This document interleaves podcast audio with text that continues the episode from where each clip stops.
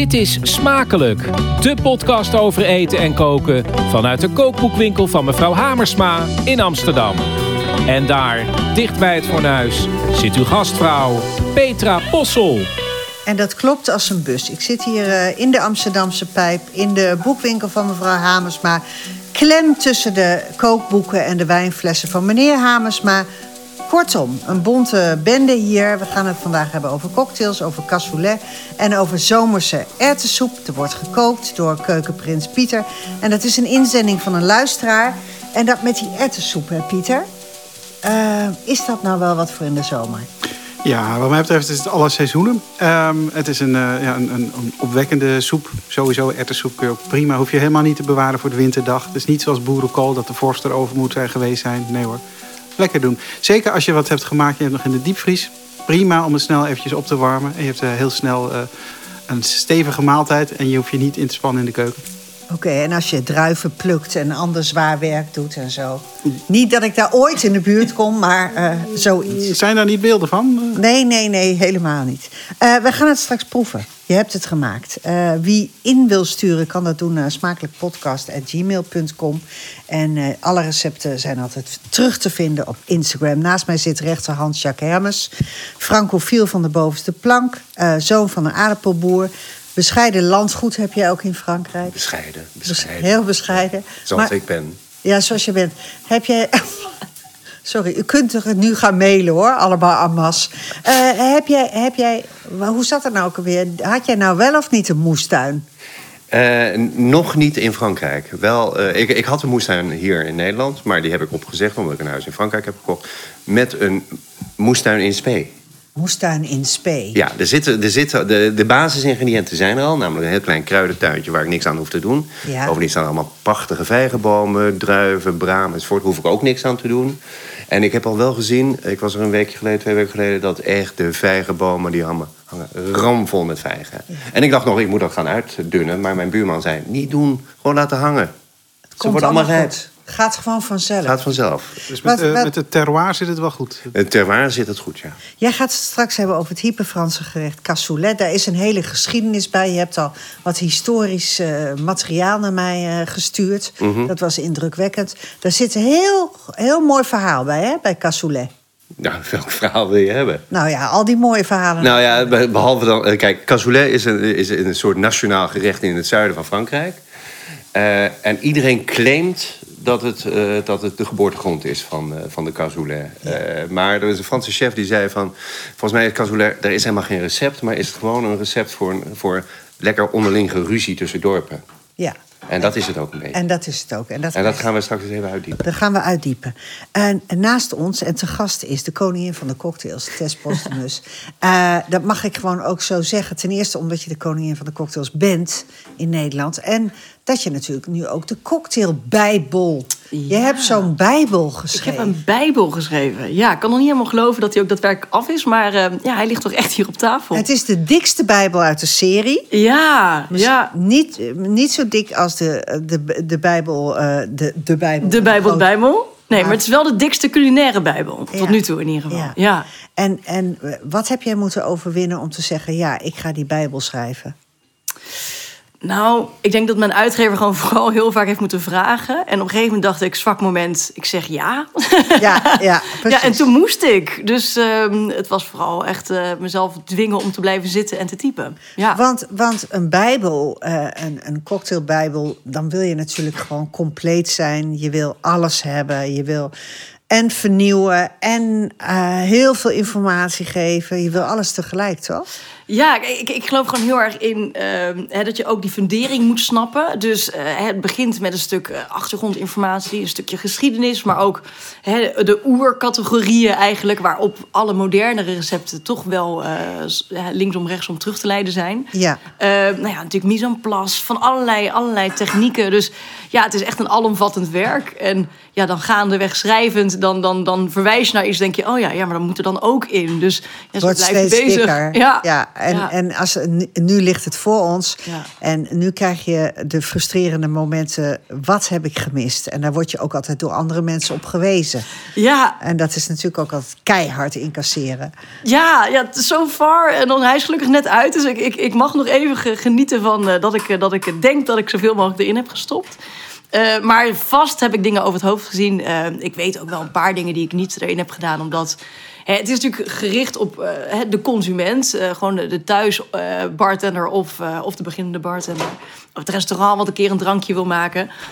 Maar dus hele moeilijke apparatuur die je voor bepaalde technieken nodig hebt.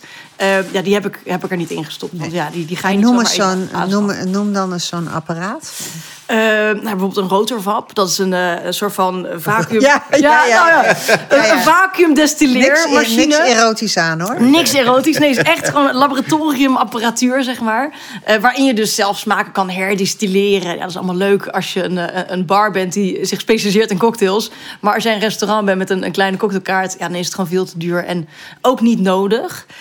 Ehm, maar ja, van, van allerlei dingen. Eh, hè, met droog ijs, dat soort dingen heb ik ook allemaal niet gedaan. Omdat, Nee, nee. Ja, dan heb je weer zo'n... Dat vraagt veel van, de- van de lezer en van de Ja, beginnende en, cocktails. en daarbij ook een stukje eh, veiligheid. Dus ik denk ook van ja, als we dat gaan doen, dan gaan we dat gewoon in een apart boek een keer behandelen. Ja, ja. dus er zijn zeker nog wel hè, wat meer professionele technieken die we kunnen behandelen, maar die staan hier niet in. Nee. Inclusief Sjaak. veiligheidsbrillen. en- Precies, precies. Ja, Ik, ja. ik zie jou nu opeens, Jacques, zo voor me in zo'n pak met zo'n veiligheidsbril, zo'n zuurstoftank op Ja de hoor, rug. dat, hey, zet mij er neer. Ja, dat wordt wat. Ja. Ben jij een cocktailman? Ehm, eh, ik drink wel cocktails, maar niet heel veel. Ik drink meer wijn. Ja. Proef meer wijn, sorry. Ja, je- oh ja, ja, ja, ja, dat hoor je dan te zeggen. Heb je dat bij de AA geleerd? dat je dan moet zeggen. Ik, Ja. jij, maar, maar cocktails, ja, ik, ik moet je heel eerlijk bekennen, Tess, dat ik altijd terugval op hetzelfde repertoire. Dat ik heel snel in de gin tonic-achtige dingen zit. Of eh, Ja. in iets heel Be- Bellini-achtig zit. Of eigenlijk dat dat vernieuwen. De macht der gewoonte is zo sterk dat je heel moeilijk v- daar vanaf komt. Maar de keuze ik. is ook zo groot. hè? Precies. Want In, zelfs in klassiekers is die keuze Ja. al zo Ja. groot. Ja, ja. Dus eh, de- inderdaad, ik, ik beperk mij als ik thuis... eh, eh, dan, ik ben, pisco sour ben ik dol op. Ja. Dus die maak Ja. ik dan ook heel graag. Vind ik best nog wel bewerkelijk eigenlijk. Ja. Maar eh, ja, en dat vind ik fantastisch. Omdat het net weer een beetje... Een, niet een helemaal een standaard Precies. is. eh, Ja, het is gewoon heel erg vergelijkbaar met de gerechten. Dus ehm, hè, ik zelf betrap me vaak erop dat ik eh, toch thuis eh, in dezelfde gerechten eh, terugval als ik even niet weet wat ik ga koken. Nou, hetzelfde met, met cocktails of met drankjes hè, sowieso. Ehm, dat je gewoon heel snel gaat van, oh ja, dit was lekker, dus dat doen we dan nog een keer. Ja. Maar heb je een keer tijd, dan is het leuk om hem erbij te pakken en te denken, hé, hey, waar heb ik, we gaan iets nieuws proberen. Laat ik je nog even extra introduceren. Tess Postumus, jij, bent, ja, jij hebt gewoon hele grote internationale wedstrijden gewonnen. Je bent uitgeroepen tot de beste cocktail shaker. Of hoe noem je zo iemand? Ja, bartender, Bartender, ja, ja. En dat heeft eigenlijk uiteindelijk geresulteerd in dat je ook eh, twee bars hebt eh, geopend Ja. in Amsterdam. De Flying Dutchman Cocktails en Dutch Courage. Courage. Ja, Dutch Courage, ja. En eh, dat heb je allemaal gedaan in een tijd die best woelig was. Vooral die, die tweede. Ja. Hè, dat was in de, in de COVID-tijd. Eh, je bent er ook over gaan schrijven. Je schrijft ontzettend veel in bladen, tijdschriften eh, enzovoort. Jij doet veel mee aan wedstrijden, internationale wedstrijden. Maar je bent inmiddels ook eigenlijk gerespecteerd jurylid. Ja, ja ik, ik ben retired als we het hebben over wedstrijden mee. Maar hoe oud ben je nou eigenlijk helemaal? 35, bijna 35, ben je wel over een paar weken. Ja. Nee, maar ik heb gelukkig, ik mag nu gewoon lekker lui zijn en aan de andere kant zitten. Dus ik ben eh, jurylid of, eh, of mentor, je, dat soort dingen. Maar Ben jij meer nooit, zelf hoef jij nooit meer mee te doen Nee. aan, aan iets? Je hebt alles gehaald wat je kunt halen. Wat ik zelf wilde halen, heb ik gehaald. Ja. Olympisch goud. Ja, ja. ja en het Olympisch goud, dan is er nog één. Dat is de Spirited Awards eh, van Tales of the Cocktail. En Tales of the Cocktail is onze internationale conferentie elk jaar in New Orleans. Dat is een hele belangrijke.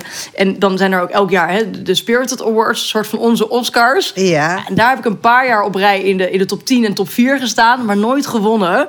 Eh, maar ja, daar mag ik nu niet meer aan meedoen, want ik ben nu eh, eh, member of the board of directors van, van Tils. Dus dat is wel, ja, ik heb met, met liefde heb ik die mogelijkheid tot die prijs opgegeven, omdat ik dacht, ja, nu ga ik mee in de organisatie, dat is eh, voor mij veel, veel leuker. Ja. En je hoeft ook niet meer als een barfly eh, tot drie uur s'nachts of tot Nee. vijf uur s ochtends in je eigen bar te staan. Dus het leven is wel eh, in die zin wat rustiger geworden. Ja. Maar de cocktails zijn eigenlijk alleen maar verfijnder geworden. En grappig is om te lezen, je geeft heel veel achtergrond, heel veel geschiedenis in je, in je boek. En dan blijkt eigenlijk dat ehm, Nederland heeft de reputatie van een heel Calvinistisch land. Waar we helemaal eh, saai zijn in onze drankconsumptie. Ja. Maar vroeger waren wij wel degelijk en in allerlei opzichten een enorm cocktailland. Ja, en nu nog steeds. Kijk, we moeten niet vergeten dat er een heel groot verschil is tussen wat we zelf drinken en consumeren ehm, en wat we, waar we geld mee verdienen. Ja. En als we het hebben over Nederlanders en geld verdienen, dan vonden we dat altijd al leuk. Dus als je terugkijkt in de geschiedenisboeken, maar ook nu, ehm, dan waren we eigenlijk altijd al internationaal het liqueurland. Nou ja, Jenever hebben we geëxporteerd in mega grote hoeveelheden. We hebben eigenlijk de Engelsen aan de gin gebracht. Hè? Ja, zeker, zeker. Ja, er was al jenever voordat er gin was. Eh, maar we hebben ook heel, heel het Afrikaanse continent aan de jenever gebracht. Dat zijn dingen voor, voor mijn jeneverboek. Oeps. Eh, oeps, ja, nee, zeker grote oeps. Ehm, maar nee, er zit, er zit heel, veel, heel veel geschiedenis in. En nog steeds, wat heel veel mensen niet weten, is dat eh, ongeveer 80% van alle rum wereldwijd wordt gewoon hier in Amsterdam eh, gebotteld en, en, en, en, en de wereld overgestuurd. Ja. Dus ook al denken we dan hè, heel Caribisch, het komt vaak gewoon hier om de hoek vandaan. En de Filipijnen heb ik laatst. eh, Klopt, Heb klopt je in de ook. Filipijnen eh, rum uit Nederland? nee, heel veel rum daar. Oh, lokaal. ja, ja, ja. Een enorme consumptie daar. Ja, klopt. Ja. Maar, maar dat, dat dus Nederland... Maar Nederland leidt niet heel erg aan bescheidenheid. En toch hebben ze dit wel een beetje dan onder de vloermat uh, Ja, ja, het is toch... Alcohol heeft natuurlijk een beetje een, een, een dubbel imago. Ehm, dus misschien dat dat meewerkt. Ja, en daarbij, we hebben het dus zelf nooit echt... We dronken het zelf altijd eh, hè, puur. Dus een, een biertje zoals het was. eh, een likeurtje gewoon in een klein likeurglaasje. Sippend. Ja. Hè, zoals, zoals het kwam. Maar niet gemixt. Jenever puur, eh, maar nooit in, in een cocktail. En Nee. we waren heel goed in cocktails maken. We, we hebben zelfs een van de oudste, eh, eerste ehm, ja, clubs voor bartenderverenigingen. Een soort van gildes. Eh, we hebben Meer zelfs, dan 70 jaar bestaan. ja, ja, en samen met, met, met zes andere landen hebben we ook de internationale opgericht. Dus we waren er altijd heel erg mee bezig. Alleen ja, onze gasten waren dan de Engelse en Amerikaanse toerist. Dus eh, we hebben er altijd gewoon heel veel geld mee verdiend. Ja. Ja, Nou, dat- ik vind dat- het eigenlijk dat- typisch dat doen we Nederland. Ja, precies. toch al, gewoon- al het lekkere. Ja. Ja. Ook, eh, hè, de anchovisjes, Ja. en allerlei Ja. vissen, schelpjes. gaan Ja. ook allemaal Ja. weg. Het is een beetje die alles. zogenaamde VOC-mentaliteit. Ja, ja, ja. We, we- Ja, overal geld verdienen. Ja, ja. Maar nu is dat toch echt heel erg veranderd. Ik lees Ja. ook in jouw boek. De COVID-epidemie heeft natuurlijk enorm veel eh ja, thuisshakers of thuistenders eh voortgebracht. Ja. Eh, hoe is dat dan eigenlijk gegaan? Gingen mensen dan uit pure ellende dan thuis maar zitten, zitten Huilend met bartender. shaker in de weg. een barretje bouwen? Ja, nou ja, het was eh, een beetje hand in hand gegaan. Kijk, we zaten net een beetje in die stroomverstelling dat mensen geïnteresseerd werden in, in cocktails. Eh, internationaal, maar ook in Nederland.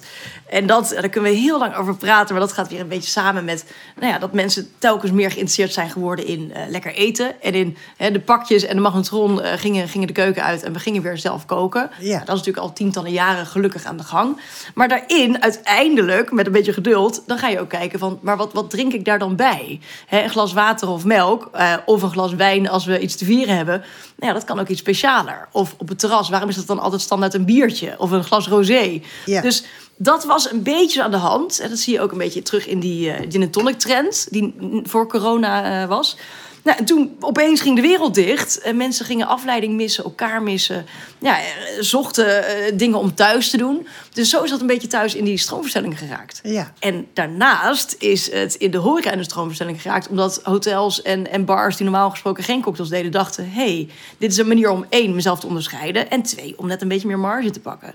Dus het is aan twee kanten is die stroomverstelling eh, gegaan... en nu zijn we gewoon ja, met z'n allen toch wel redelijk om wat betreft cocktails. En dan ga ik meteen een beetje lopen miepen. Mag. Ik, ik vind het gewoon echt heel vreed dat je, als je dan een cocktail bestelt... in bijvoorbeeld eh, de grote stadshoreca... Uh-huh. dat je dan soms zo'n hele eh, grote vissenkom krijgt... met, met eh, werkelijk een pond ijs...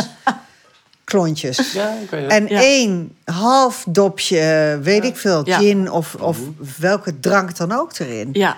De, de, die marges, ja, ik vind het Nou- leuk met al die marges, maar het moet wel een beetje, beetje ook Nee, voor de tuurlijk. consument. Je, blijft Nederlanders, hè? We blijven Nederlanders. Nee, kijk, maar je wil gewoon ik ga dan twee, twee dingen doen. Aan de ene kant, soms is het inderdaad onzin. Hè, dan, dan vragen ze... Kijk, mijn bars zijn super gespecialiseerd. We werken alleen maar met hele mooie ingrediënten. Maken alles in huis en werken alleen maar met ja, goede ingrediënten. Ehm, en wij zijn redelijk goedkoop. Dus als ik dan in een bar kom of in een restaurant... waar ik weet dat ze gewoon geen educatie in huis hebben... eh, copy-paste uit een of ander gegoogeld recept doen... en ze vragen meer voor een cocktail dan dat ik zelf doe... ja, dan denk ik ook, dit, dit, dit gaat nergens over. Nee. Maar, Maar- terugkomt over je ijs. Kijk, soms denk je ehm, ijs, verwatering. Oh nee, ik, ik krijg een heel klein dopje gin. Waar betaal ik allemaal voor? Eh, maar in Nederland is het wel zo. En dat is ook weer denk ik een beetje onze, onze Calvinistische... Doe maar normaal, doe je al gek genoeg achtergrond. Veel ijs is eigenlijk juist goed. Dus eh, het moet wel goed ijs zijn. Echt waar? Ja.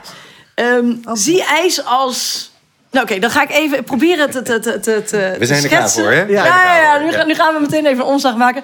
Kijk, stel je voor, groot glas. Ik, ik laat er hier in de, in de studio eentje zien, maar jullie kunnen dat natuurlijk thuis niet zien. Maar groot glas en dan twee blokjes of één blokje ijs. Ja. IJs is koud en wil graag zijn omgevingstemperatuur ook koud krijgen en vervolgens koud houden. Dat, dat vindt hij fijn. Ehm, heb je nou één blokje ijs, ja, dan moet dat ijsblokje heel veel moeite doen, heel veel energie kwijtraken, dus Ja. heel veel smelten, om die omgeving koud te krijgen en koud te houden. Heb je nou heel veel ijs, dan kost het veel minder moeite. Dus hoeven ze samen, soort van hè, powers combined, hoeven ze samen minder moeite te doen om die omgeving koud te krijgen en koud te houden. Maar ik heb in jouw boek gelezen, en daarom denk ik ook Ja? dat het dus een zinnig boek is, bijvoorbeeld, Uh-huh. dat je gewoon je glazen moet koelen. Ook, ja. Of de dranken zelf. Ook, ja, dus het gaat ook, gewoon- ook, ook, ook, ook. ook. Dus één, denk goed na over je ijs. Hè, gebruik dus ook goed ijs. Ehm, als je bijvoorbeeld heel veel crushed ijs gebruikt in plaats van blokjes... Ja, dan, dan voeg je wel weer die verwatering toe. Eh, maar heb je goed ijs, veel ijs... dan is het, ehm, heb je minder verwatering uiteindelijk... en ben je, heb je dus geen bioscoop cola... dan als je één of twee blokjes Precies. Dus je snapt wel wat ik voel. en 100%. wat ik bedoel. Maar uiteindelijk, die, dus die blokjes zijn om te koelen. Ja, Eh, crushed ijs is inderdaad om te verwateren. koel en verwatering. Dus als het goed is, als jij je cocktail op hebt, zijn er nog blokjes ijs ja, over. Ja, ja. Als het Nee, even- meteen smelt, dan heb je gewoon niet genoeg ijs gehad. En daarnaast helpt het als je vooraf, en zeker met weer, eh, we hebben de zomerse weer op het Mm. moment, eh, als je je, glazen lekker vooraf koelt, Koelt. in de vriezer bewaart, Ja. als Mhm. je plek hebt. Eh, als je werkt met, hè, stel je, je gebruikt tonic, dat je tonic alvast lekker in de koelkast stond. Mhm. Kijk, al die dingen helpen natuurlijk mee. Nee. Maar je hebt veel meer do's en don'ts. En sommige die Ja. heb ik eruit gepikt omdat ik ze gewoon machtig interessant vind. Bijvoorbeeld, ik heb altijd in de koeling staan eh, zo'n eh, zo'n ja, zo'n flesje citroen Oh, in de ja. vorm van een citroen. Want ja, je kan eens een keer geen citroen Ja. hebben. Mag niet. Nee, mag, mag Nooit. niet dressing, maar nooit het er maar in je drankje. Nee. Het smaakt gewoon niet naar een citroen. Kijk, als jij hè, zo- zo'n plastic knijpflesje... wat dan lijkt op een citroen of een limoen... Ik vind ze ook heel leuk. Als je, ja, ze zien er gezellig uit, maar ik wil ze nooit, nooit, in de bar zien. Ik, nou, als ik gewoon niks in huis heb en ik maak bijvoorbeeld een gin tonic, dan heb ik gek genoeg wel gin en tonic in huis. Precies, prioriteiten. Ja, weet je. maar ja, prioriteiten. Maar Ja, geen nee, citroen. het is slecht. heb, jij niet altijd, heb je niet altijd verse citroen in huis? Nou, bijna, bijna altijd, maar niet altijd. Nee. Nee. maar echt, het Oké. is zo zonde. Oké, Dus, dit, dit gaat meer over mij dan Ja, over ja, dit- nou die kant dan, willen we ook op. Dit vind ik ook leuk. Ja. Nooit een gender aan een bepaalde Ja. cocktail halen, hangen. Dus niet zeggen, dit is een typische Nee, vrouwencocktail. dit is een mannendrankje of dit is een vrouwenglas. Nee, nee, dat is eh, sowieso was het al uit een boze, maar in deze moderne tijd al helemaal. Kan je En niet daarnaast- meekomen. Nee, en daarnaast is het ook, het slaat nergens op. Want een vrouwenglas bedoelen mensen vaak hè, een martiniglas op een, op, een, op een stieltje mee. Nou ja, kijk naar, eh, hè, als we het hebben over, over genderrollen, de mannelijkste man, James, James Bond. Bond. Eh, hè, wat dronk hij en uit wat voor glas? Ja, precies. Dus. Dus, het, het, ik wil het gewoon nooit meer horen. Nee, nou, maar nee, ik, ik sta hier volledig achter. Ja. Ik vind wel dat het heel erg vloekt met eh, de barbecue-wereld. Waar nog altijd wordt gesuggereerd dat mannen met een bot door de Ja. neus en een leren, eh, leren schort. Eh, en een Ja. knotje en vol tatoeages. eh, Tijd om daar ook een beetje aan die boom te gaan schudden, denk ik. ja, want, want hier, hier, hier zit jij voorwaarts en daar zitten we nog een klein Ja. beetje in het Nee, maar daar, daar, ja, maar volgens mij Toch? gaat dat ook veranderen hoor. Belangrijke stelregel in jouw boek. Nooit onverantwoordelijk omgaan met alcohol. Ja. Voor sommige mensen is dat niet een wet van mede en persen als het Ja. gaat om cocktails. Daar, Nee. daar weet jij alles van. Nee, zeker. Kijk, en het is gewoon heel belangrijk dat ehm, cocktails, hoe ik het zie, en ik denk hoe iedereen het zou moeten zien, is eh, net zoals lekker eten. Dus hè, ehm, als ik thuis kook met heel veel boter, ja, dan weet ik, dit is geen gezonde maaltijd. Dat doe ik Ja. niet elke dag. Eh, daar eet ik ook niet twee borden van leeg. Eh, daar geniet ik van. Maar morgen is het weer balansdag bijvoorbeeld. En hetzelfde met cocktails. Een cocktail, als je kijkt naar de recepten, daar gaat vaak gewoon net zoveel in als dat je een whisky bestelt. Nee, je drinkt ook niet vijf whiskies achter elkaar. Tenminste, Als dat niet wel zo is, dan. eh, Als het je wel zo is, dan, dan heb je er morgen zeker last van. En Ja. dat moet gewoon niet te vaak gebeuren. Dus snap dat het is alcohol, het is sterke drank. Eh, het is niet vergelijkbaar met een glas wijn. Ehm, natuurlijk zijn er, we noemen dat low ABV cocktails. Dus lage al- alcohol by volume, alcoholpercentage En cocktails. 10% van jouw eh, Bijbel is alcoholvrij. Precies. Dus kijk, hè, het gaat niet per se om alcoholinname. Het gaat om een lekker drankje drinken. Wat, je, hè, wat anders is dan een fris drankje of een, een sapje. Ehm, en of er nou alcohol in zit of niet, hè, dat is een, een overweging. eh, waar je zin in hebt en wat je, wat je wil. Eh, maar het gaat er ook om hè, bewust iets lekkers drinken. Dus Ja. dat kan ook zonder alcohol. Nou, vond ik een van de leukste regels die je hebt, omdat ik me daar volledig bij aan kan sluiten. En omdat ik ook een kind van de jaren 70 ben.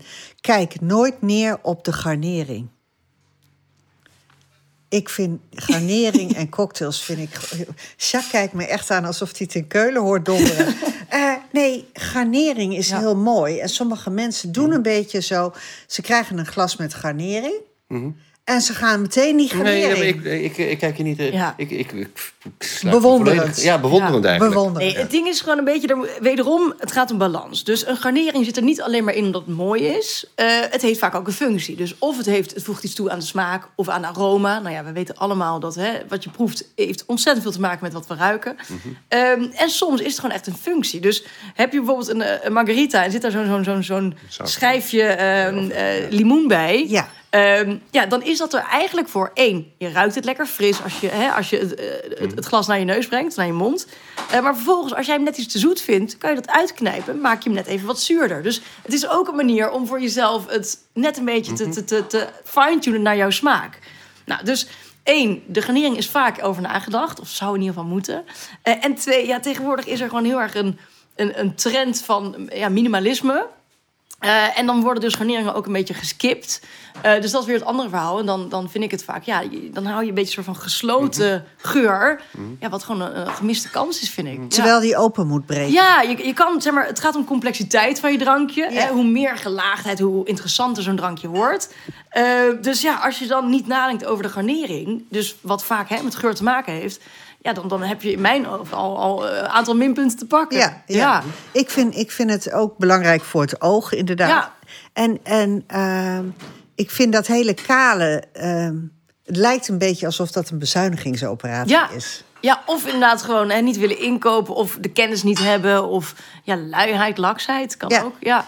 Ik kom heel veel termen tegen en die leg je allemaal uit in je, in je Bijbel. Jiggeren, free pouren, imperiaal versus metriek, beeld, shake, reverse dry shake, stir, strain, Ja, nu niet iedereen afschrikken. swizzle. Nee, nee, maar ik bedoel, er is wel veel Ja. jargon. Heel veel. Ja. Ken jij dat jargon? Eh, ik weet alleen maar shaken of stir. En Ja, dat ja, komt door ja, James Bond. Ja. verder weet ik het Ja. niet. Nou ja, eh, nee.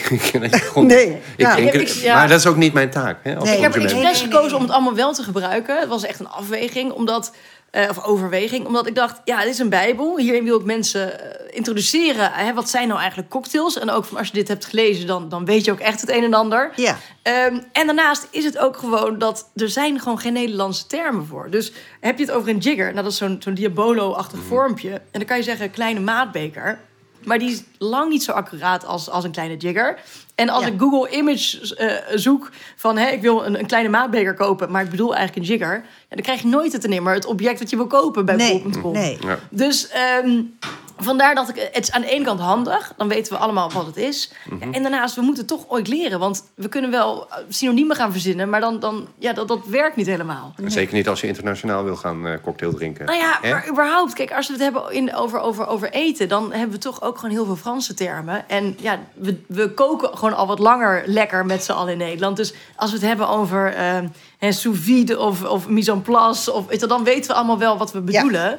Eh, en dat moeten we gewoon gaan leren met cocktails. En, en dan leer je al die, al die eh, woorden kennen. En vervolgens leer je de namen kennen. En dan komen we bijvoorbeeld bij eh, cocktails als... eh, ja, ik vind dat ook een sport om in dat boek te lezen. Duiven op de Dam.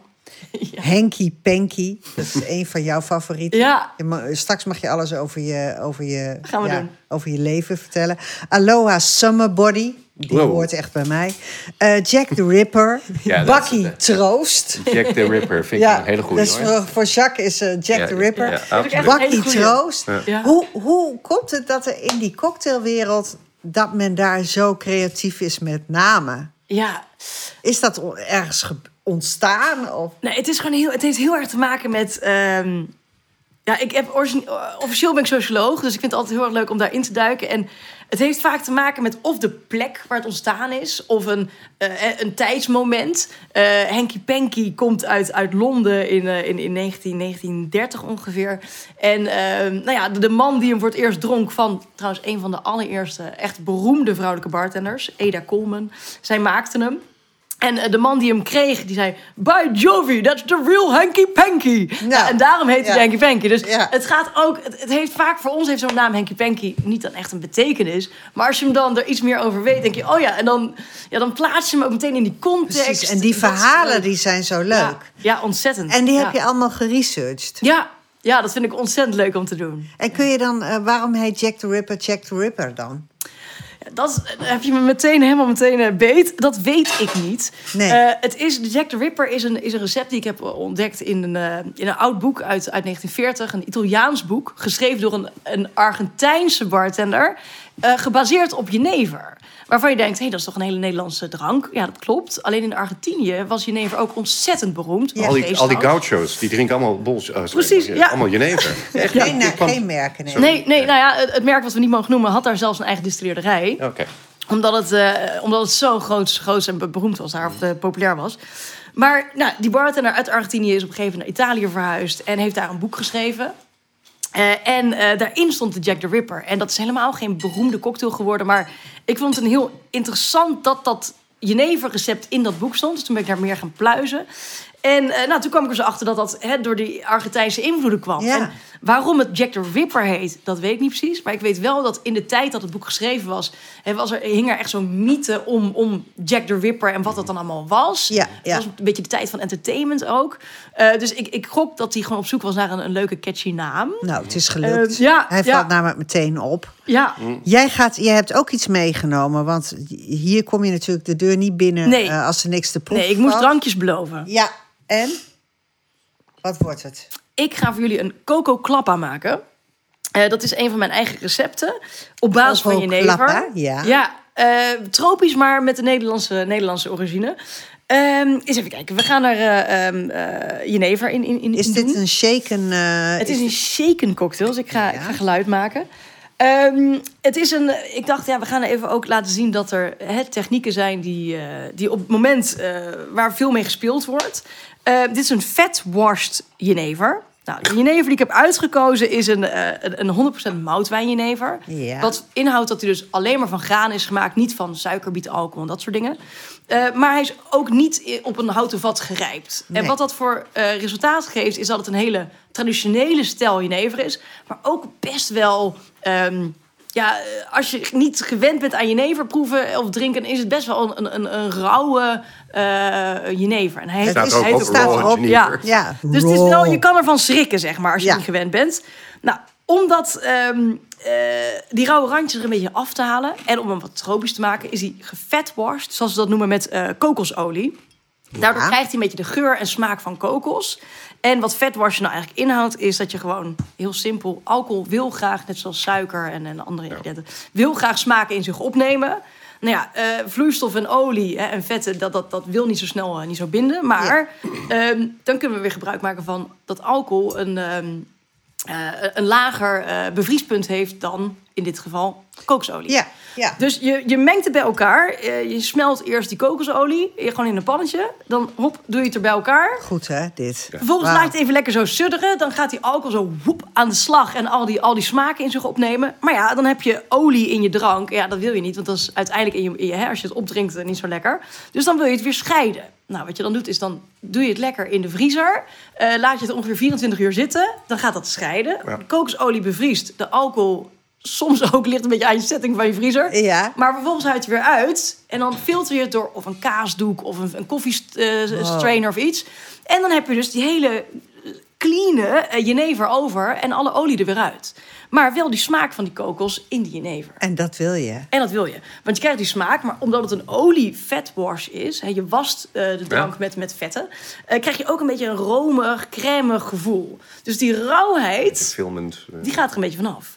Eh nou, dus dat, dat gaat er als eerste in. Dus ik ga het ook meteen maar lekker even inschenken. Joh, en dit dan, is, nog maar, dit is nog maar alleen de basis. Ja, ja, ja. ja, ja. Ja, dit is dus, maar kijk, dit is dan wel. Het klinkt dan als heel moeilijk. En het is natuurlijk eventjes focus. Eh, maar het is niet dat je dit voor één drankje doet. Dus je, je Nee. koopt gewoon een fles en dat doe je één keer. En dan vervolgens heb je die fles en dan Ja. dat blijft wel even goed. Ja. Ehm, hè, je kan het ook bijvoorbeeld met, met, met, met eh, bacon, met spek doen of met andere dingen. Sommige mensen doen het met wagyu. Weet je wel, dan gaan we heel fancy. Kijk, dan moet je het ook behandelen als zijnde vlees. En dan, dan drink hem in een week op en hou hem in de Ja, koelkast. ja. Maar is het met kokosolie of olijfolie bijvoorbeeld? Ja, dan, dan, Dan nou ja. houdt het nog wel even. Precies. Wat ga je er nu in druppelen? Vervolgens doen we er wat Kensington bitters in. Nou, dat zijn eh cocktail bitters, eh, gemaakt met onder andere eh, een beetje, beetje Aziatische ingrediënten, een beetje kaneel, dat zit er allemaal in. En bitters, net zoals ehm, zout, haalt smaak omhoog en brengt smaken samen. Ja. Ehm, door een paar druppeltjes wordt de cocktail niet bitter. Als ik uit zou schieten natuurlijk wel, want het is bitter van smaak. Eh, maar een beetje, eh, brengt net een beetje dat extra, extra laagje wat je, nou ja, met, met zout hetzelfde. Je mist het als het er niet in zit. Maar het is niet per se dat het hele gerecht er zout van wordt. Ondertussen maak je nu een vacuüm getrokken zakje met vloeistof. Ja, open. Eh, gel-achtige vloeistof, denk ik. ja, Open. het is, het is siroop. Het is siroop. Ja, het is een, een, een, een, een passievruchtsiroop. Daar gebruik ik... eh, En die Maak je, die, maak je die ook zelf, die siropen? ja, die maken we zelf. Wauw. Eh, is ook heel simpel eigenlijk om te doen. Dit is simpeler dan die fatwash. Ehm wat je wil doen is gewoon één deel ehm, eh, van een vloeistof oplossen in twee delen suiker. Dus in dit geval heb ik een, een, ander- een, een passievruchten eh, sap eigenlijk gemaakt. Maar je kan bijvoorbeeld ook als je ananassen door een slow juicer haalt... Ja. dan eh, heb je ook dat sap. Maak je een normale suikersiroop, dan gebruik je gewoon water. Dus het is, het is allemaal niet zo heel moeilijk. En ook dit, nou ja, na het maken één keer even moeite doen... maar vervolgens is het drie maanden in de koelkast houdbaar. Precies. En gebruik je het in een vacuümzakje, nou dan gaat het een jaar of wel niet drie mee. Dus het is, het is even, even, even moeite doen. het- Tijdsinvestering, maar... Ja, precies. gaat nu het is het een waar. limoen door de midden. En het is een echte mensen. Het is niet Een zo'n echte, zo'n geen waardeloos, knijpflesjes, de- waardeloos plastic Precies. flesje in de vorm van een limoen. Nee. En die wordt nu even hup, heel uitgeknepen. handmatig uitgeknepen. Ik kijk nog even of er pitjes in zitten. Ja, we bewaren de pitten, want Want die, eh, willen, die wil ik graag... eh, mijn buurman is bezig met een project, hoor Ja, ik. ja ik ga... eh, ik ga Heb jij een pittenproject? Ik ga eh, limoenen, citroenen, eh mandarijnen enzovoort zelf vanuit de pit opkweken. Ik heb nog geen pit ontdekt. Toch eh, jouw jouw jouw koloniale plantage. Voor mijn kolonia, een van mijn koloniale plantages. Ja. Dat dacht Ja. ik al, ja. Zo, oké, nu ga ik even ijsblokjes pakken en dan heb ik alles er al in zitten. ijsblokjes worden gepakt en dan ondertussen even... Ik herinner me namelijk een foto eh, eh, uit een geheim laadje, zeg maar. Oh? Eh, via Google dan, weliswaar. Mhm. Eh, waarin jij staat in een plantagepak. Weet je het nog? Ja, ja nee, Met een eh, klopt. soort strooien hoed en plantage... dat je ook een beetje aan het oefenen bent. om, Nee, ik, eh, nee ik, ik, ik, ik heb ook een eh, theeplantage ooit gehad. Precies, dat was het. Ja. Oh, wauw. ja. Maar dat was in een ander leven, hè? ander leven, ja. Ja. Ja. Daar moeten we ook niet te veel op inzoomen Nee, nu. dat want gaan we niet doen. Nee. komen er ook weer allerlei andere verhalen boven water... waar Ja. ik dan wel van weet. Ja. Nee, we hebben Eh. dus nu even kijken. Die vetworst jenever zit erin. Citroensap, eh, sorry, limoensap, een beetje an, eh pasvruchtensiroop. Die bitters, die kennen ze in bitters. En dan gaan we hem shaken. Zeker, en dat doe je natuurlijk in een cocktail shaker. In een cocktail shaker met ijsblokjes. Ja. Ehm, je shakt onder andere om nou ja, de ingrediënten te mengen, het koud te krijgen, maar ook om een klein beetje te verwateren. En dat Ja. helpt weer om de smaken lekker samen te brengen. Dus dat gaan we nu doen. Een coherent geheel worden, mensen. Wat u nu hoort. Shake, shake, die, en die spieren shake, van haar, hè, die massa, die spierbundel. Zo, Ja. de spierbundel. Ik zou heel erg leuk vinden dat jij gewoon weer in een bar ging werken... en dat ik daar dan aan die bar mag zitten. Maar ja, Nou ja, ik, af en toe ben ik er wel, maar het is niet een gemiddelde normale Op- dag. nee, van, eh, moet het speciale gewoon- evenementen. moet gepland worden. Precies. Nou, het was, eh, tot nu toe hadden we een coherent gesprek over zinnige dingen. Maar we gaan nu aan de cocktail. We gaan nu aan de cocktails. Maar ze Hey, krijgen maar- een klein bodempje. Het Dus is een heel niet klein bang. bodempje. Dat valt allemaal Dit kunnen we mee. aan. Precies. Er gaat een, een klein eh, Oh. een kwartje passievrucht gaat er bovenop. Het leek even of ze met een zakje cocaïne in de Ja, weer ging. maar het is een zakje met kokosrasp. Ja, dat leek mij ook. Zeg meer over jou. eh. Ja. Nou, als je zegt Ja, kwartjes, dan zou het ook ben over andere dingen kunnen gaan. Hè? In tabletvorm. Ja, dat klopt, klopt. Zo is het ook weer. Dank En je, we houden het Pieter, bij één. Bij één eh, nee, dus er zit, het heet Coco Klappa. Ehm, in het Indonesisch worden vaak dingen eh, het dubbel gezegd als het meer is. Dus bijvoorbeeld Jalan is lopen, Jalan Jalan is rennen. Ehm, eh, anak is kind, anak anak zijn kinderen. Ja. Nou, Coco Klappa, twee keer kokosnoot. Eh, dus één keer die vetworst en twee keer bovenop. Dus het is een heel lekker Kom maar op. Fris, op. Ik wil... tropisch drankje. Zoals wij in Groningen zeggen, het tril me er nog gewoon in. mee. En wat betekent dat Ah, in vredesnaam? Trill er nog eentje in. eh. Trill er nog eentje in. Ik kende deze Shit. nog niet. Nou, santé. Santé. Ik doe dan heel Franserig. Ja. Wij, eh, wij gaan ondertussen Pieter even warm draaien. Met, met, Nou, Pieter heeft op bepaalde reden totaal geen zin in vandaag. Nee, eh, we gaan gewoon eh, naar zijn eh, hoekje. Ja, terwijl we dus heerlijk met die Coco Klappa in, de- in de hand zitten. Wat ongelooflijk lekker is dit. Mhm. Zuur en, en die, en die hartigheid en Ja. filmend. En, nou, de schitterende begrippen gaan hier over de tafel. En dat is allemaal natuurlijk camouflage voor het feit dat we gewoon zitten te genieten van de cocktail. En, eh, maar we Speak gaan, we gaan, eh, en we gaan straks over cassoulet hebben. Het is echt een enorme overgang. Maar we gaan nu eerst eh, naar, een, eh, naar een inzending van Renate. Die stuurde ons halverwege de jaren 70. In de vorige eeuw sleepten onze ouders hun drie kinderen... tussen de 7 en 13 jaar mee naar Duitsland... voor wandelvakanties door berg en dal. En soms ging dit ook door merg en been, want wat een afstanden. Maar het devies was, niet altijd, eh, was altijd niet zeuren en doormarcheren. En als beloning volgde na afloop vaak een rijk stuk gebak in een conditorij. Bij een Schwarzwalder Kirschtorte Pavlov. Ik, eh, waar ik nog altijd naar... eh, eh, wat staat hier? Bij een Schwarzwalder Kirchtort Pavlov. Ik nog altijd naar de korte broeken en de modderige schoenen. Ik snap deze zin. Maar daar gaat het nu niet om. Tijdens een van die vakanties sloeg een hittegolf toe... en bereikten we het eind van de dag met verhitte koppen... ons pension in Eversberg. En ook de waardin stond te pu- puffen. Was voor een unglaubliche Hitze... Maar deze oma-achtige dame kondigde alvast aan dat we straks aan tafel konden gaan met een perfect zomers gerecht. We rekenden toen op een knakketje salaat, maar ze vi- serveerde ons een dampende pot dikke boerensoep. En die heb jij nu gemaakt, Pieter. Ja, die heb ik gemaakt eh, naar eh, aanwijzingen van eh, de inzender Renate van der Bas. Ik heb er voor de zekerheid toch even gegoogeld. Ik zie dat zij journalist en schrijfster is. Dat verklaart waarschijnlijk ook haar bloemrijke taal. Inderdaad. Zeker. Ehm, ja, het, het- is, eh, ze gaf het al aan, eh, een, een, een flashback naar haar eh, verleden. Ik ga heel kort even stilstaan bij een paar ingrediënten. Ze geeft aan dat het eigenlijk een, een, een soep moet zijn, een soort erwtensoep. Wij zouden zeggen snert in Nederland. Maar het aardige is, deze is gemaakt met gele splitterwten. Dat zorgt al, allereerst al voor een, zomerse kleur. We kennen het fenomeen natuurlijk ook van de, de Indiaanse daal... waar je gespleten eh, linzen hebt. Die zijn veel sneller gaar, die hoef je niet te weken. En dan kom je eigenlijk op, ook uit op een soep die eh, in stukken uiteenvalt. Hier verder nog wat wortels. En zoals ze schrijft, twee stengels elegant gesneden bleekselderij. Kom ik zo even op terug. Eh, wat aardappel, twee eh, tenen knoflook en wat plakken spek. En daar verraadt zich dat eh, gerookt spek, daar verraadt zich dat je niet in Nederland bevindt. Want dat vinden we over het algemeen niet. Dan heb je blokjes of, of, of één klomp spek van de slager. Spek wordt meegetrokken in de, in de soep. Uien worden aangezet in wat boter. Dat is dan weer heel erg Duits, denk ik. Andere Zuid-Europa zou dat eerder met olie gebeuren. Eh, wat mij verrast is, er gaan gekneusde peperkorrels en koriander in. En eh, nou ja, ik weet niet hoe dat precies zit. Misschien was het een, eh, een, een, een eetgelegenheid in de buurt van Fantasialand. Maar die peperkorrels, die, ja, die, die blijven toch heel. Want verderop komt er nog de aanwijzing dat je de soep wat kan pureren met de staafmixer.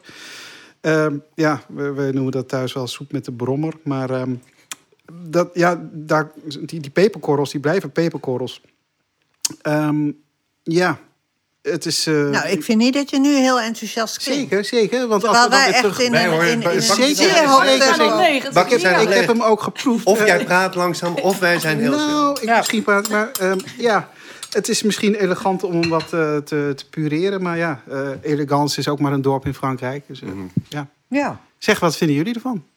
ik vind het wel lekker. Ik vind het vind hem gewoon heerlijk. eh, eh, heerlijk. Ja, lekker. Ik vind hem ook anders dan wat je associeert met erwtensoep. Ja. Ja, Hij is door de kruiden volgens mij best fris geworden. Ja, hij heeft, hij heeft Tess, niet- hou jij van dit soort soep? nou, eh, bakje is leeg. Ik vind het heerlijk. Ja. Ehm, ja ik, ik ben wel een, een soepfan. Dat eh, vind ik ook in de winter altijd heel leuk om te doen. Maar inderdaad, waarom niet in de zomer? Dus, Ik, Mhm. ik kan me dit heel goed voorstellen. Welke groene kruiden heb je erop eh Ja, ge- Daar was er Renate vrij eh, ruimhartig in. Eh, zeker eh, zomerse kruiden, verse kruiden. Eh, dus niet laurierblaadjes en dergelijke zoals je in, eh, in de, de snet zou eh, stoppen. Specerijen hebben we al heel gehad. Nee, verse kruiden eh na keuze eh lavas, bleekselderij. basilicum zit hierin, munt. ehm, ja, je mag variëren. Oké. Dille, hier zit dille in. Basilicum, vind het- ja. munt en dille? Ja, Ja, alles bij elkaar. ja. Gewoon Dat alles. ik het eh, helemaal los op deze. Ja, helemaal los Ja, is die er. Renate, die gaat wel los. Hè? Die gaat los. Ja, maar ik vind het toch leuk. Ik vind het leuk dat we in de zomer, een, Mhm. eh, terwijl iedereen loopt te zweten, eh, dat we gewoon met een erwtensoep in de weer zijn. En zij schrijft tenslotte ook: leggen de mussen het loodje, maak een erwtensoep zoals je grootje. Nou, Dus het is ook een dichteres verloren. Oh, heerlijk. Ja. zeker. Dankjewel Renate en dankjewel eh eh, Pieter natuurlijk, Pri- keukenprins Pieter, voor je, voor je verhaal. Eh, het is heel lekker. Jij klonk een beetje gedeprimeerd, maar ik vind... ja, ik Nou, dat wil ik gewoon- nog even rechtzetten. Ik wil een rec, rec, rec, rectifier ding. Nee, je klonk alsof is dat je nu al die cocktail? Ja, Ja. je klonk alsof je, of je er geen plezier in had, maar ik heb er heel veel... Ik heb er ontzettend Ja. veel plezier Ja, aan gehad. het is ook een ontzettend leuk. Nou, er was door de jingle heen en dat geeft ook helemaal niks. Eh, Jacques Hermers, want we, we zaten toch al op Jacques te wachten. Ja, daarom. En dit is een hele leuke opname. Natu- naar, naar zo'n andere zomerse eh, schotel met heel veel bonen, vet, spek, Voilà. whatever. Dus eh Cassoulet, daar wil je het over hebben. cassoulet. Cassoulet. Eh, ja, het is een, eh, een, een, een, eh, ook een, eh, ja, eigenlijk een, een broertje van die erwtensoep, maar dan iets heftiger en eh, iets ouder nog, uit het zuiden van Frankrijk. Eh, heel veel bonen, vlees, worst, gans, eend, schaap, whatever. Ik zie boerderijen voor me. Ja, heel veel boerderijen. En wat heel erg leuk is, die cassoulet is echt inderdaad een nationaal gerecht. Maar er zijn eh, enorme, eh, eh, hoe heet dat, wedstrijden... of hoe heet dat, oneenigheid over wie nou de beste, Oh ja? Ja. De beste Dorpen, hoeks- maakt. hoekse en je hebt eigenlijk, je hebt, ja, hoeks en kabeljauwse twisten, twisten in dit geval. Je hebt eigenlijk drie vormen of drie steden die pretenderen dat zij de originele maken. Dat is Toulouse, Carcassonne en Castelnaudary. ligt allemaal in het, in het zuiden. Allemaal in het zuiden, dus dat hele reeksje eh, langs, de, eh, langs de Midi, eh, Canal du Midi, zeg Ja. maar. Hoewel de basis van de. de van, ja, je, je zou het een stoofpot, een soep kunnen noemen. Het is een beetje een rare mengvorm. De basis daarvan is, is de witte boon. De, de witte boon uit Tarbes. En Tarbes ligt eigenlijk tegen de, ligt bij Lourdes, ligt, ligt tegen de Pyreneeën aan. Ja, En waar de, de, de mensen uit Castelnaudary... Er is een hele confrérie, hè? confrérie eh, Grande Confrérie de Cassoulet de Castelnaudary. Dat zijn echt mensen die, eh, erop toezien dat de, de, de, de, de cassoulet op de, op de juiste manier wordt gemaakt. Dat zijn mensen die ook in, in lange jurken al, eh, langskomen, feesten organiseren, een, een lied hebben, mensen ridderen eh, als lid van die confrérie. met van Was- die pakjes aan. met van die pakjes aan. Ja. En dat was wel grappig. Ik was, eh, een maandje geleden was ik in de Lange Dok daar. En dat was een, met allerlei internationale wijnjournalisten. En er was, er werden ere-ridderschappen uitgedeeld. Dus dan kwamen een paar van die mensen werden dan op het podium getrokken. En een daarvan die was ook helemaal overdonderd, want zij was vegetarisch. En is er geen vegetarische variant? Er is geen vegetarisch. Ja, Nee. maar dat is geen castagnole, dat is geen Nee. meer. Maar Er goed. gaat eh, ook heel veel vlees in. ja, maar het leuke is dat die mensen uit Castelnauderie... in een soort legendevorming zeggen van... eh, joh, in de eh, 100-jarige oorlog tussen Engeland en Frankrijk... 14e, 15e eeuw... 15e, 16e eeuw... Nee, 14e, 15e eeuw... eh, hebben wij de Engelsen kunnen verslaan omdat wij die stevige pot hadden. Die stevige pot, ik zal u zo uitleggen wat er... Het leuke is dat de basis van een goede cassoulet is de witte boon. Witte boon, de witte boon van. Tarbes. Eh, maar die is pas in de 16e, 17e eeuw vanuit Noord-Amerika gekomen. Eh, die, die witte dus bonen, klopt iets de witte bonen komen... historisch. Historisch niet. Zo nee, lekker als een mandje. Ja, daarom. Maar weet je, Sinon en Vero en Ben Torvato... als het niet waar is, is het in ieder geval leuk gevonden. Hij spreekt ook vloeiend Ja, Italiaans. alles. Ja. hij kan alles. Maar- hier. Hij is een, en hij is een umane, Nee, nee, umami uh, universali. Homo universalis. En Ja, umami. niet. Een umami universalis Umami. ik Nou, umami is ook heel leuk. verhaal over die, die cassoulet doen ook een beetje denken aan de Leidse hutspot. Nou, precies dat. Waar dan die Ja. ook aardappelen Ja. in zouden zitten. Nee. En zo. Ja, maar die hadden ze ook Ja, helemaal die niet. aardappels hadden ze ook. Precies. Maar precies. hij heeft ons ook eh, door, de, door de winter geholpen. hè? Ja, nee, maar dat was ook- nee, maar. Is het een wintergerecht? Het Want is, we zitten hier nee, in de ja, zomer, nee, hè? nee, want het is een jaar doorgerecht. Want Ah. kijk, de witte bonen zijn, hè, het- waar we het hebben over die regio, de witte bonen. Ehm flageolet heb je iets noordelijker. Ja, maar die in het voorjaar, eh, nu dus ongeveer, voorjaar, ja, heb je de, eh, de, de, hoe heet dat, de broadbeans, eh, hoe heet dat, tuinbonen. Tuinbonen zijn natuurlijk ook... eh, nu kun jij een tuinbonen-cassoulet eh, in jouw streek krijgen. Want jij woont Ja. daar natuurlijk ook deels in de Ja, een deel hè, van het jaar. Oh, En jij eet dat ook heel veel. bekakt, hè? Ja, heerlijk deel- klinkt zeg ik het. gewoon een deel van het jaar Gewoon daar. jaloers, hè? Zeg Gerald, dat. Bewonderingswaardig, Kun, nieuw plan. Ja. kun je cassoulet dan dus ook met verse bonen maken? Je kunt het ook met verse bonen maken. Maar dat is dus inderdaad met de, de tuinbonen. Maar in principe is het dus gewoon met Witte witte boon. boon, gedroogde boon. Die droogt, Weken. of die week je een dag. Eh, dan kook je hem een uur. Daar kun je, eh, kun je wat kruiden aan toevoegen enzovoort. Intussen maak je in een andere pan... Maak je, eh, of, fruitje, een beetje een uitje, maar vooral ook knoflook. en dan afhankelijk van waar je vandaan komt.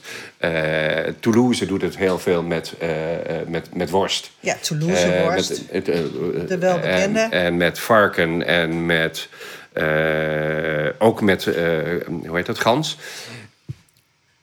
Carcassonne doet, doet er ook nog lamsvlees bij vaak.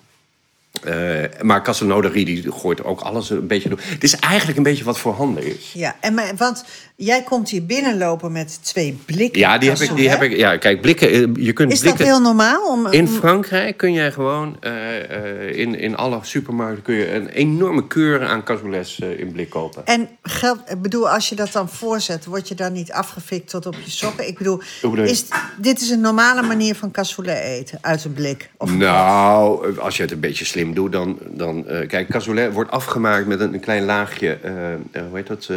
broodkruimels. Ja, Ja. Dan gaat hij in de oven en dan krijg je zo'n mooi krokantje. Het is eigenlijk een soort crème brûlée, hè? Je kunt hem gewoon... als, hij uit, als hij echt...